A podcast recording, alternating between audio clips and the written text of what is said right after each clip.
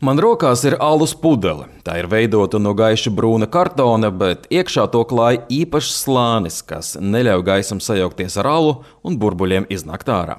Šis iekšējais slānis ir veidots no materiāla, ko sauc par PEF.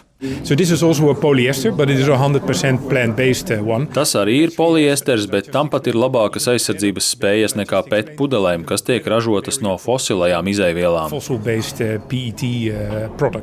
Tas ir Bass Bloms. Viņš ir uzņēmuma Avantium izpilddirektors. Minētā alus pudele ir ražota šī uzņēmuma pilotrūpnīcā. Un tagad Nīderlandes ziemeļos ar Eiropas Savienības atbalstu top jau lielāka ražotne. Atšķirībā no plaši pazīstamām PET pudelēm, PEF tiek veidots no augiem, un tam var būt plašs pielietojums. Yeah, that's the uh, that's the intent that uh, that Lego has put down uh, as a as a challenge to the industry. LEGO ir uzstādījis izaicinājumu tirgumu radīt materiālu, kas būtu simtprocentīgi balstīts uz bioloģiskām izaivielām, bet saglabātu tās pašas kvalitātes kā plastmasa. Kā jūs zināt, LEGO klucīši var kalpot 40, 50 vai pat 60 gadus. Tagad viņi vērtēs mūsu PEF materiālu. Tas ir tikai viens piemērs aprites bioekonomikas projektiem, kas top dažādās Eiropas vietās. Ar šādu ieceru atlasi un finansēšanu nodarbojas Eiropas Savienības iestāde ar nosaukumu Aprites biobāzētā Eiropa. Viens no tās vadītājiem ir Džons Bells. We have some great technologies and great ideas. So Europe leads the world, for example, in enzyme technologies. Mums ir lieliskas tehnoloģijas un lieliskas idejas. Piemēram, Eiropa atrodas vadošajā lomā pasaulē enzīmu tehnoloģijā. Vairums no jūsu klausītājiem nezinās, kas tas ir, bet tas ir veids, kā aizstāt fosilos kurināmos tādās lietās kā ķimikālijas, plastmasa, pārtika un daudz kur citur. Tādēļ mēs sev vaicājām, kā mēs varētu kļūt par to vietu pasaulē, kas radīs šādas industrijas. Gluži kā iepriekšējā paudzē mēs radījām citas industrijas, bet kas būtu zaļas, kas neizšķērdētu resursus, kas izmantotu aprites tehnoloģijas, izēvielas, kas būtu sasaistītas ar vietējiem lauksēmniekiem, mežsēmniekiem vai atkritumu pārstrādes sistēmu.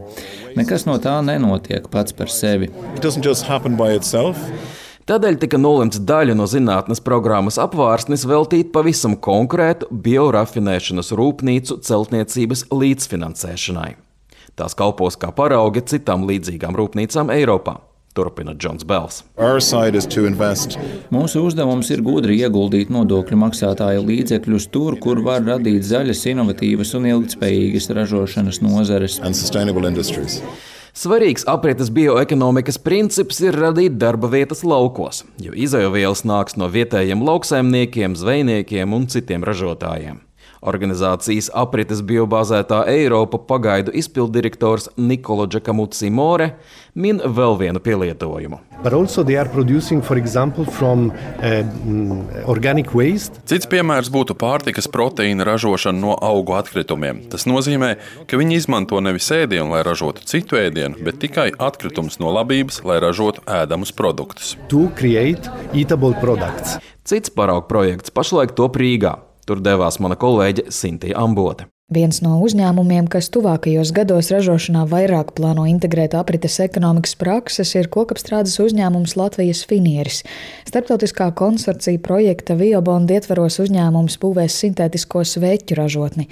Uzņēmuma valdes loceklis Māris Būmanis stāsta, ka jaunajā ražotnē taps zaļāka bērzas saplākšņa līmviela, kuras receptē izmantos kādu dabisku biopolimēru, kas sastopams koksnē. Galvenā uzmanība jāpievērš lignīnam, kas ir šī projekta teiksim, tā, centrālais elements. Viena no trim pamatkoksnes sastāvdaļām, kuras uzdevums koksnē, patiesībā ne tikai koksnē, bet vairumā augu, ir nodrošināt eh, tādu kā saistības funkciju. Patiesībā tā ir dabiska līme. Un uh, integrējot lignīnu šajos sveķos, sintētiskos sveķos, mēs iegūstam augstas izturības līmeni. Lignīns ir celulozes ražošanas blakus produkts. Līdz šim viņam nav īsti pielietošanas veida, līdz ar to viņš tiek izmantots kā kurināmais.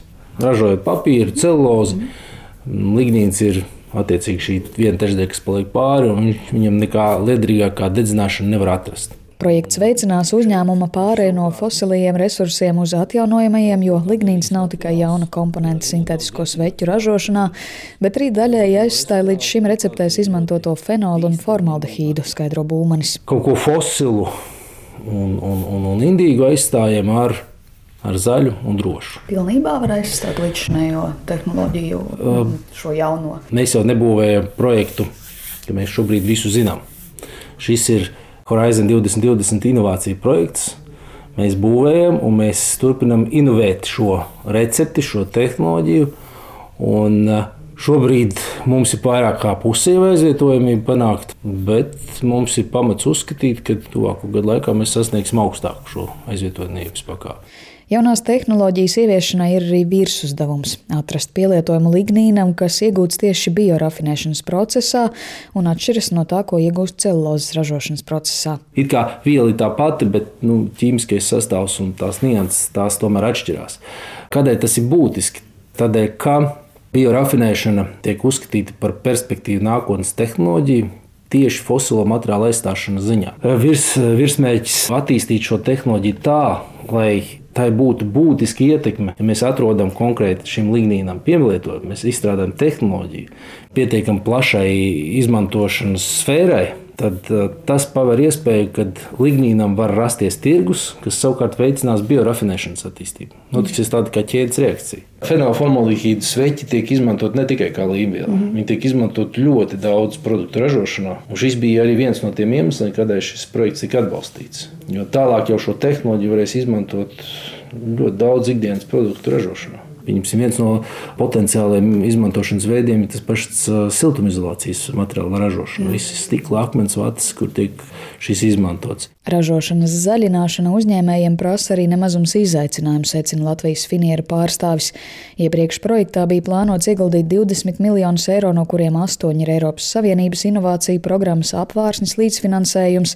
Esošie ekonomiskie apstākļi projektu gan sadārdzinās par aptuveni 30%, bet tehnoloģijas ieviešana bērzas aplākšņu ražošanu padarīs arī izdevīgāku. Tehnoloģijas virsmērķis eh, sasniegt tikai zaļāku produktu ir, ir, ir tikai monētas viena puse.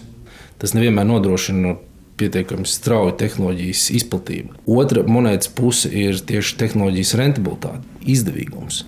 Un šajā ziņā, lai arī tā ir zaļāka tehnoloģija, atšķirībā no daudzām citām zaļām tehnoloģijām, viņa ir rentablāka par fosilo tehnoloģiju lignīna izmantošana ir divas, trīs līdz pat četrām reizēm izdevīgāka nekā attiecīgi fosilo materiālu izmantošana. Sintētisko sveķu rūpnīcas būvniecību plānot Rīgā, Baldrajas rūpnieciskajā mezglā un to nodot eksploatācijā plānos 2025. gada augustā. Savukārt projektu kopumā pabeigt paredzēts 2026. gadā. Ja Eiropa patiešām vēlas kļūt par pasaulē pirmo klimata neitrālu kontinentu, tad tuvākajās desmitgadēs tās ekonomiku sagaida nopietnas pārmaiņas. Fosilo izēvielu aizstāšana ar vidē draudzīgiem projektiem ar augstu pievienoto vērtību visticamāk būs nozīmīga jaunās ekonomikas daļa. Arcums Kanahaus, Sinti Ambote, Latvijas Rādio no Briseles un Rīgas.